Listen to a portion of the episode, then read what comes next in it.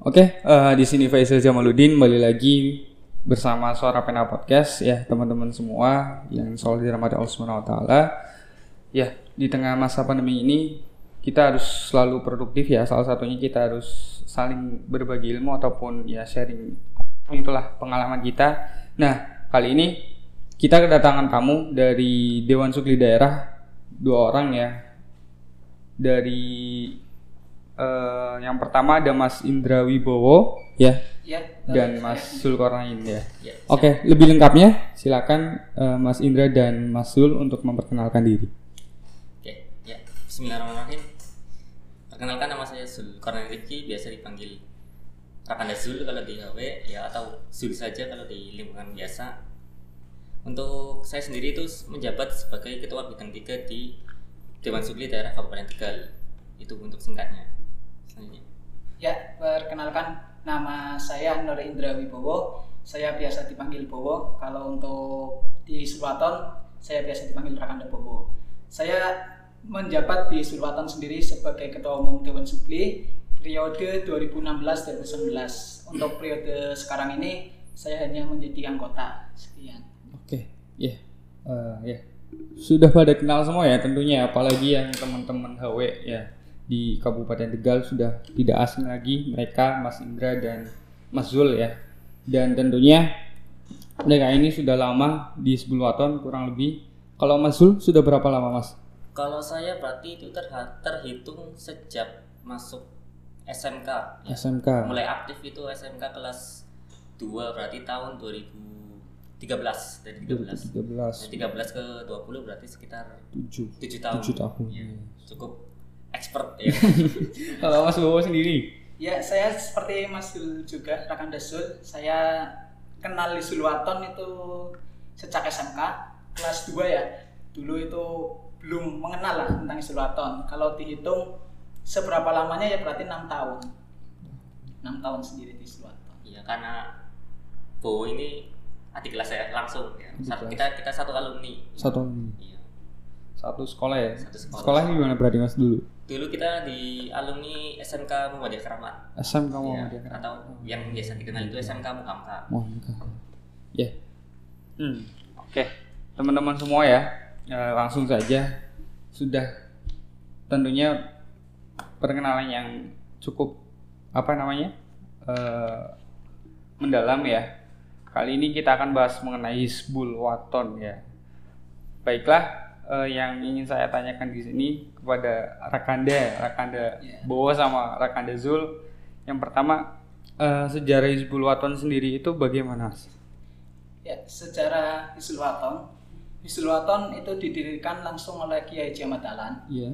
yang mana pada tahun 1918 Kiai Haji Ahmad Dahlan melihat ya dari tentara Belanda ya, ya tentara Belanda sedang baris-baris.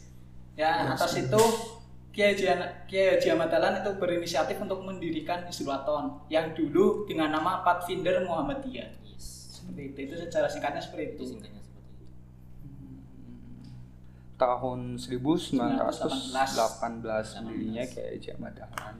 Kemudian eh, apa sih yang mendasari atau filosofi yang kenapa Hizbul Waton ini harus harus lahir gitu? Filosofinya gitu. Nah untuk filosofinya sendiri itu mungkin karena dari Kiai Jamat Dahlan itu sendiri ingin dari Muhammadiyah itu ada sendiri tuh kepanduan yang khusus ya, yang berbeda ya. Kalau untuk kepanduan yang biasa mungkin ya pandu-pandu biasa yang hanya mempelajari tentang kayak PBB ya baris berbaris.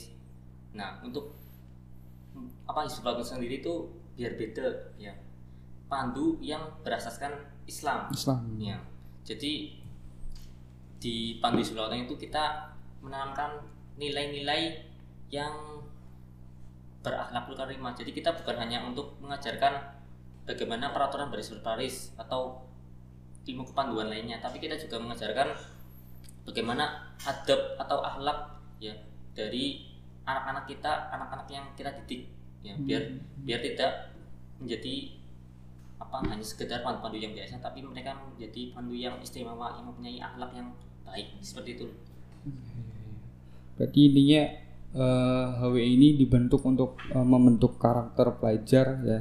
Iya. Kemudian dilandasi dengan tentunya agama Islam yang kuat ya Mas. ya? Iya, tujuannya itu seperti itu. Kemudian apa namanya? Fungsi-fungsi dari pandu HW itu sendiri biasanya itu apa kalau dari teman-teman itu? Fungsi dari Sulawton sendiri, Sulawton itu suatu organisasi yang mana pendidikan non formal, yaitu pendidikan di luar lingkungan sekolah, yaitu bisa diadakan sore hari ataupun ya lebih ke dunia alam ya maksudnya. Iya. Lebih ke apa ya? Istilahnya itu outdoor gitu. loh. Iya, iya, Untuk outdoor. apa? HB ini jadi sifatnya itu kan nasional ya. Jadi seluruh seluruh Indonesia, seluruh negara, seluruh Indonesia itu bisa ikut HW dan kita tidak memandang gender, usia, apa warna kulit atau apa pun itu ya untuk menghalang-halangi mereka untuk tidak ikut Tandis Limaton. Jadi siapa pun kita itu welcome ya. Bahkan yang dari Papua itu kan apa ya bukan hanya apa orang, Orang Islam aja iya, yang ikut, tapi non Muslim juga ada yang ikut gitu loh. Kalau di HW itu tingkatannya apa aja mas? Kalau kalau di pramuka kan saya saya saya dulu saya dulu anak pramuka ya. Ya. dulu saya dari kecil sampai sekarang eh, kenalnya sama pramuka. Tapi juga pasti kenal dengan Hizbul Waton ya karena Hizbul Waton sendiri eh, salah satu pandu yang bisa dibilang mempunyai peran besar di Kabupaten Tegal banyak eh, apa namanya aksi-aksi yang bisa dibilang eh, bisa menjadi percontohan bagi pelajar semua di Kabupaten Tegal tentunya. Iya mas, tingkatan di Hizbul Waton itu biasanya apa aja dari dari tingkat bawah sampai yang ke atas? Ya, tingkat Hierarkinya berarti? Ya, tingkat bawah sendiri dari mulai SD ya. Iya, SD. Dari SD kita biasa sebut dengan sebutan atfal. Atfal. Atfal itu pandu atfal itu tingkat SD. Untuk tingkat SMP-nya sendiri itu ada tingkat pengenal. Pengenal kalau di pramuka sendiri itu penggalang ya. Iya, penggalang, Ya, betul. ya, kalau di Sulawton itu kita sebut pengenal. Kalau tingkatan SMK SMA itu ada penghela. Penghela, ya penghela. Kalau di mahasiswa sendiri untuk tingkat mahasiswa kita ada nama di Sulawton itu penuntun. Itu tingkatan tingkatan yang ada di di Sulawton.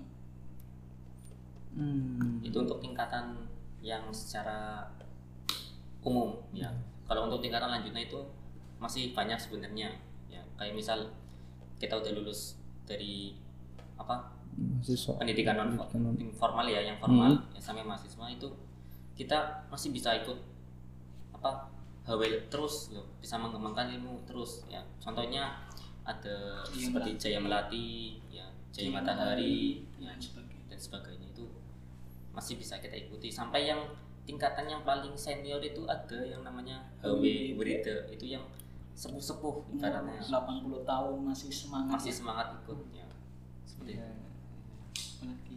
Muda ya.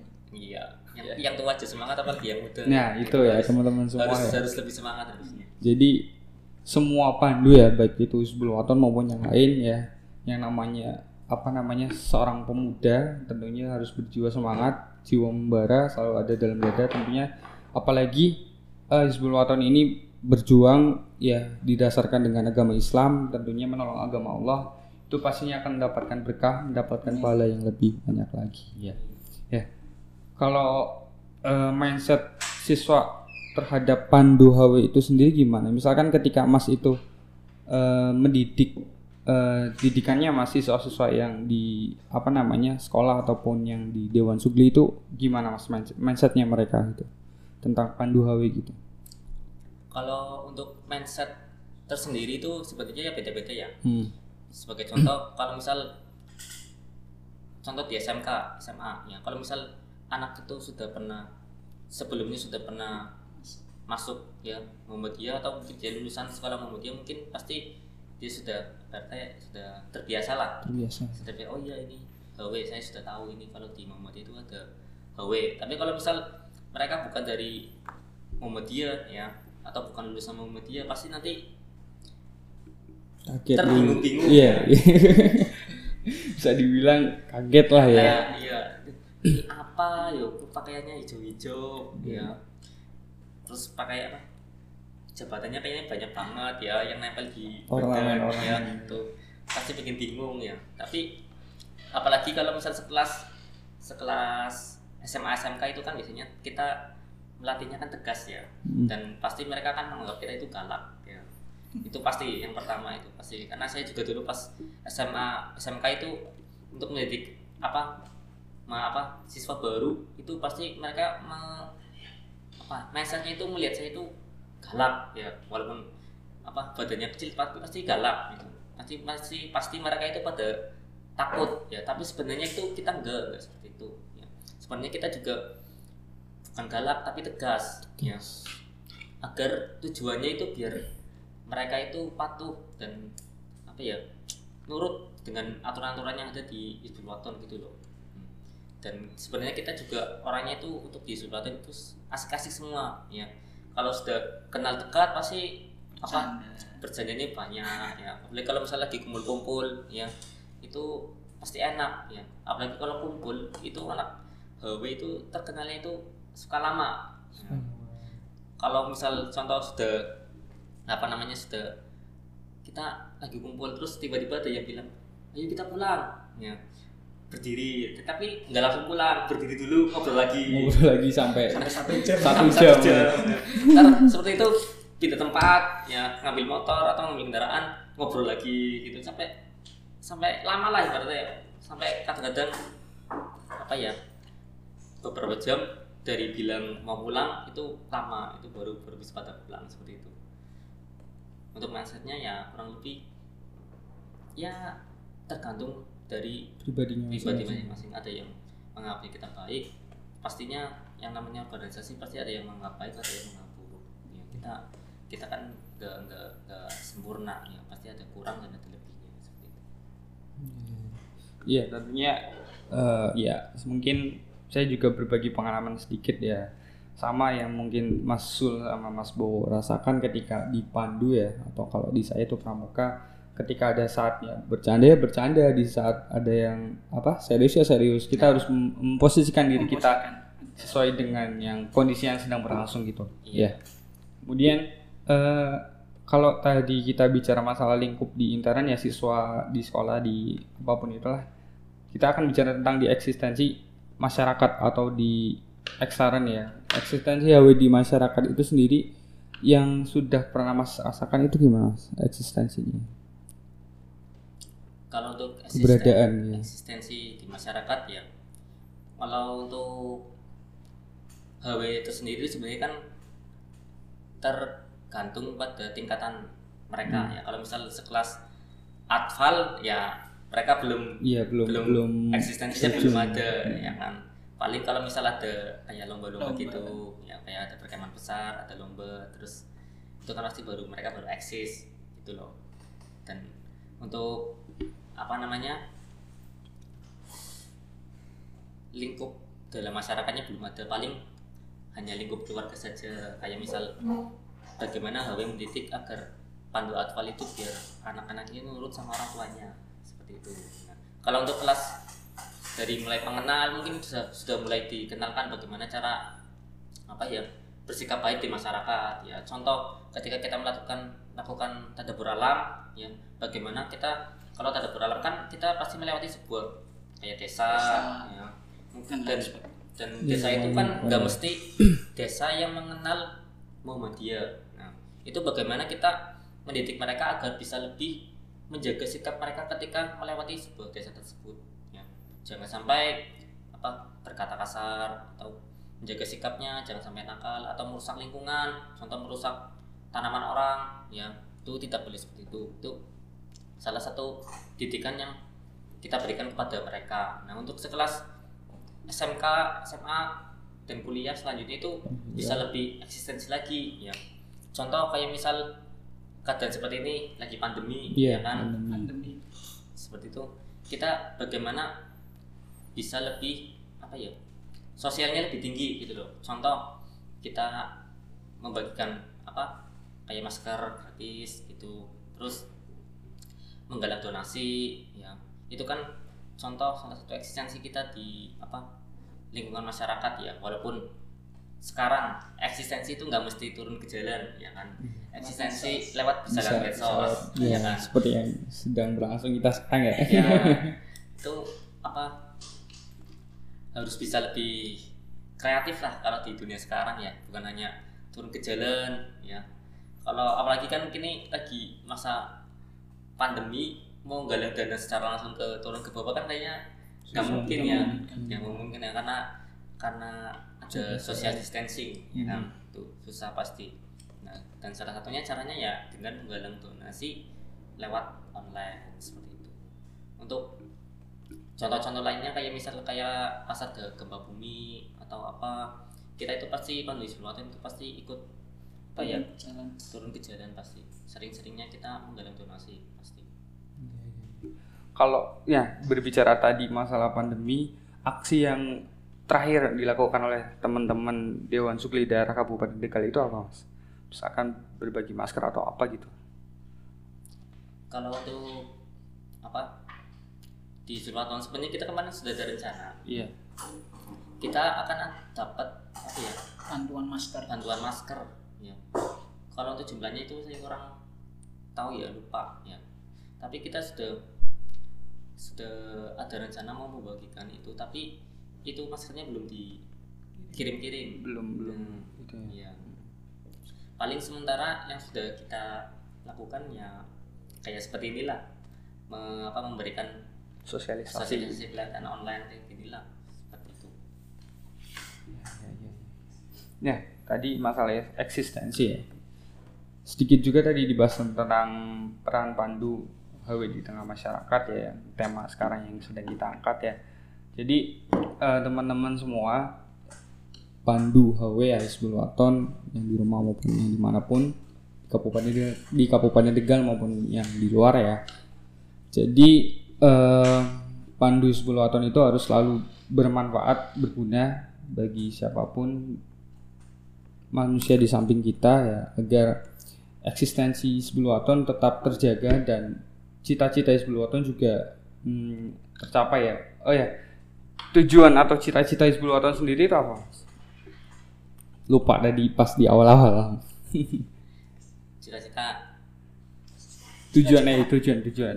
ya tujuan dari Sulatan sendiri itu membentuk pribadi anak dari mulai anak SD sampai anak remaja itu membentuk karakter karakter yang islami yang bertujuan amar ma'ruf nahi mungkar. Menyeru kepada kebajikan mencegah yang mungkar. Itu yang selalu kita ajarkan kepada peserta didik. Khususnya kalau saya sendiri mengajar di tingkat atfal kita menanamkan bukan hanya sekedar ilmunya saja tapi karakter bagaimana anak itu bisa sopan berbicara baik itu antara sesama teman sendiri ataupun sama gurunya. Kayak gitu. Jadi kita menanamkan pribadi anak sesuai dengan yang tadi saya sampaikan amar ma'ruf nahi mungkar kayak gitu. Tujuan utamanya seperti itu. Oke, eh, ya. Eh, sudah banyak yang kita bahas ya. Eh, terakhir dari Mas Zul sama Mas Bowo, closing statement ya mengenai hal yang sudah kita bicarakan dari awal sampai sekarang. Monggo silakan dari Mas Zul atau Mas Bowo terlebih dahulu. oke Pesan atau apa untuk teman-teman HW di rumah gitu. Iya, kalau pesan sih sebenarnya ya banyak ya. Apalagi yang dari apalagi yang saat ini sedang apa pandemi seperti ini, seperti kita yang Pandu Waton pasti sangat merindukan yang namanya berkegiatan di luar. Ya, saya saja sebenarnya sedikit apa ya sedih gitu loh.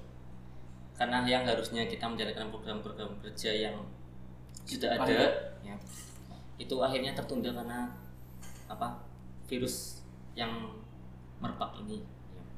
saya sedih ya sedih sedih sedih. Karena kita biasa apa ya biasa berkegiatan di luar Berkerumun ya di berkerumun berkumpul dan sekarang dipaksa untuk hanya apa diam di rumah. Ya bosen. bosan bosan pasti ya tapi bagaimana caranya kita itu selalu. agar bisa tetap selalu produktif. Ya. iya. Nah untuk teman-teman semua baik dari tingkatan atfal pengenal penghela ya itu nggak usah apa ya nggak usah sedih ya. kita cukup berdoa saja tuh yang banyak agar mas- masa masa-masa pandemi ini cepat berakhir lah dan kita bisa apa berkegiatan seperti biasanya ya. Karena kita dari Dewan Sugli daerah atau dari warga Kabupaten Tegal itu sudah menyiapkan acara yang besar untuk tahun ini ya yaitu perekaman besar Ya. ya insya Allah ya. Dan harapannya bisa terlaksana ya seperti karena ini program dua tahunan ya. terakhir itu tahun 2018 dan ini dari tahun 2020 harus ada perekaman besar lagi. Nah itu buat teman-teman yang di rumah itu mungkin bisa lebih banyak mempelajari ya ilmu-ilmu materi-materi yang bisa didapat dari rumah ya, ya misal bisa searching-searching online ya belajar belajar nggak mesti tatap muka langsung ya. Kita sudah ada teknologi ya. Manfaatkan teknologi yang ada. Jangan sampai hanya karena keterbatasan kita nggak bisa pergi keluar itu menjadikan alasan untuk kita berhenti mencari ilmu ya. Tapi bagaimana caranya? Ketika walaupun keterbatasan kita apa dibatasi ya nggak bisa keluar itu harus selalu bisa mendapatkan ilmu di mana pun ya sudah ada HP ya nggak kayak zaman dulu cuma HP-nya HP banting ya HP Nokia besar itu yang dulu hanya bisa dipakai buat SMS sama telepon beda dengan zaman sekarang yang sudah pakai smartphone tinggal ketik ya di Google apa pun muncul ya. langsung muncul semua yang diperlukan ya tapi ya kita harus bisa meng-sharing ya apa pun terutama dalam hal berita agar kita nggak termakan sama hoax yang ada ya. Karena di masa masa sekarang itu banyak sekali hoax hoax yang bertebaran dan kita harus bisa memilahnya. Dan kita sebagai yang dewasa juga harus bisa membimbing adik-adik kita yang punya adik-adik terutama yang tingkatan hafal kita harus bisa membimbing mereka ya. Jangan sampai sekolah libur itu hanya akhirnya kita hanya melihat adik kita bermain saja ya. Bermain di rumah ya. Tapi bagaimana kita apa sebagai kakak harus bisa membimbing mereka? Contoh memberikan mereka apa pelajaran yang bisa kita berikan kepada mereka atau membantu mereka mengerjakan tugas-tugas yang ada seperti itu. Dan harapannya untuk kita semua agar bisa apa agar bisa seperti dulu lagi ya berkumpul berkegiatan bercanda ya mencari ilmu ya. Karena sebaik-baik mencari ilmu itu menurut saya dengan bertemu langsung dengan gurunya seperti itu. Ya, berarti intinya dari Mas Zul sendiri walaupun kita di rumah dibatasi ruang lingkupnya kita harus selalu produktif, belajar meningkatkan iman kita, takwa kita pada Allah Subhanahu wa taala dan tentunya eh, menerapkan segala pelajaran yang sudah kita dapat selama di Pandu Sebulwaton ya di masyarakat baik itu tentang keislaman, tentang eh, karakter, kedisiplinan maupun yang lain. Nah, kalau dari Mas Bowo sendiri gimana, Mas? Kalau saya berpesan untuk anak muda ya, anak muda jadilah anak muda yang berperan, jangan hanya baperan. Ya. Jangan hanya mengedepankan rasa baper, tapi kita harus berperan. Terutama dalam masa pandemi ini, kita harus bisa mencontohkan kepada semua warga tentang kaitannya pentingnya memakai masker ketika kita berpergian. Iya, berarti. Terus pentingnya menjaga pola hidup sehat. Banyak yang sekarang ya terutama di masyarakat-masyarakat itu acuh tentang kesehatannya sendiri. Padahal kesehatan itu sangat penting kayak misal cuci tangan sebelum beraktivitas lebih lanjut kayak misal pulang kerja kita harus cuci tangan terlebih dahulu baru berkesinambungan kepada yang lainnya kayak gitu. Jadi intinya anak muda itu harus berperan, jangan hanya mengedepankan rasa baper. Baper. Ya, oke. Oke, eh, sebelum saya tutup ya, saya penasaran dengan baju yang dipakai Mas Zul sama Mas Bowo ya. Kelihatannya sangat gagah sekali ya teman-teman semua ya. Coba saya pengen tahu makna dari satu-satu apa namanya ornamen yang ada di baju Mas Sul sama Mas Bowo. Nah, Secara singkat saja sebelum kita tutup podcast pada hari ini. Oke, ya mungkin hanya sekilas saja ya. Dari mulai yang paling menonjol ini yang warna biru sama kuning, ya. Ini namanya kali komando, ya. Ini sebenarnya menandakan jabatan sebagai ketua di Dewan Sugli, ya. Jadi semua ketua itu kecuali ketua umum, Hmm. ya itu warnanya beda sendiri. Ya. Kita ada terdiri dari lima ketua ya. Lima ketua itu pakainya seperti ini semua, warna biru sama kuning semua. Ini untuk menandakan sebagai salah satu ketua. Ya. Untuk ketua umum tersendiri itu warnanya beda, warnanya merah sama biru. biru itu untuk ketuanya. Nah, untuk yang lain ya, ini yang di pundak ya, ini ada bed taruna ya, Tanda kenaikan tingkat. tanda kenaikan tingkat ini didapat ketika kelas berapa ya berarti? 2 SMK ya. Ini tadi sudah, sudah lama, ini 2 SMK. Taruna itu ya, makanya ini kelihatan apa ya? Tekil. Kecil ya. Agak Tapi berdebu. tapi bersejarah itu ya. Nah, bersejarah ya? bersejarah itu ngambilnya itu harus jalan jauh dulu. harus naik turun bukit dulu harus apa nyemplung dulu baru dapat ini. Nah, Survival. nah, survival. Nah, untuk yang di sini Tanda ya, wilayah. ini tanda wilayah ya. Untuk kenapa warnanya biru merah? Ya emang karena emang peraturannya seperti itu untuk di Kabupaten Tegal itu Kabupaten Tegal. warnanya biru sama merah tanda wilayahnya. Dan ini apa ya namanya, Bu? Penjaga. penjaga nah Penjaga. ini penjaga dan pengenal biar mereka tahu itu kita dari apa warga mana ya Hmm. nah ini ada tulisannya Dewan Subli daerah Warga. kuartir Kabupaten Tegal nah itu ini yang pakai bukan hanya dari Kabupaten Tegal tapi dari keluarga lain pun juga pakai sebagai tanda hanya, pengenal ya. nah, hanya sebagai tanda pengenal dari, Dari asal keluarganya. mana. Nah, hampir sama seperti ini cuman kalau ini untuk warna nah kalau ini untuk tulisannya dan ada logonya masing-masing ya logo Dewan Sublinya nah kalau ini Wing kehormatan. wing subli wing subli ya ini didapat ya ketika mau ketika ikut pelatihan Dewan Subli nah berarti ini aku dapat pas tahun 2013 ya tahun 2013 ya. Dan ini menurut saya yang paling ibaratnya yang paling perjuangannya paling panjang. Ya.